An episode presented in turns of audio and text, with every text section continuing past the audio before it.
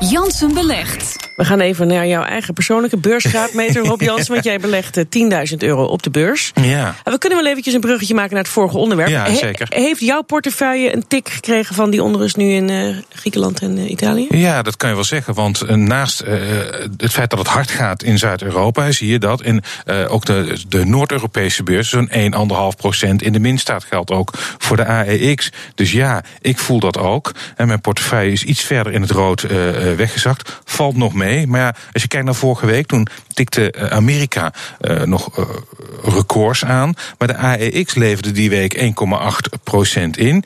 En het sentiment is vandaag echt wereldwijd niet goed. Als je nou kijkt van, van China tot Europa, tot aan de VS, gaat het minder. En laat ik nou in al die regio's aandelen hebben. Zelfs in het Chinese Tencent eh, heb ik een belang. Ja. Uh, nou, de, de, de, Chinese beurs is vandaag flink gekelderd. Um, dus ja, ik, ik, ik voel dat wel, ja, absoluut.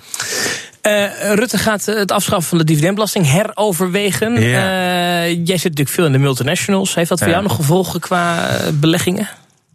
Um, ja, als die blijft, die dividendbelasting, dan betekent -hmm. dat dat BNR, want dat is, moeten we er wel steeds bij zeggen eigenlijk, het geld is natuurlijk, ik beheer het, uh, het geld is door BNR aan mij ter beschikking gesteld. Dus als er dividend wordt uitgekeerd. Is mijn pensioen, de, hè? Ja, precies, ja. op de aandelen, uh, dan kan BNR die uh, geheven dividendbelasting terugvorderen. Dus ja, als die blijft, blijft die aftrek in stand. -hmm. um, Verder zag je wel een heel interessant effect toen dat vrijdag bekend werd gemaakt. Wat ging er ineens omhoog? Vastgoedaandelen. Nederlandse vastgoedaandelen deden het heel erg goed. En ook nu zie je in de midcap Euro Commercial Properties en Wereldhaven. Ja. Dat zijn de paar aandelen. Maar dat is logisch, hè, want die gingen lijden onder die afschaffing van de ja, dividendbelasting. Die gingen lijden onder die uh, afschaffing. Dan zouden ze hun fiscale status uh, verliezen, waardoor ze uh, vennootschapsbelasting zouden moeten Zij gaan moesten betalen. juist gaan betalen. Ja, ja terwijl onder die fiscale onder die dividendvrijstelling en die fiscale status uh, kunnen, hoeven ze geen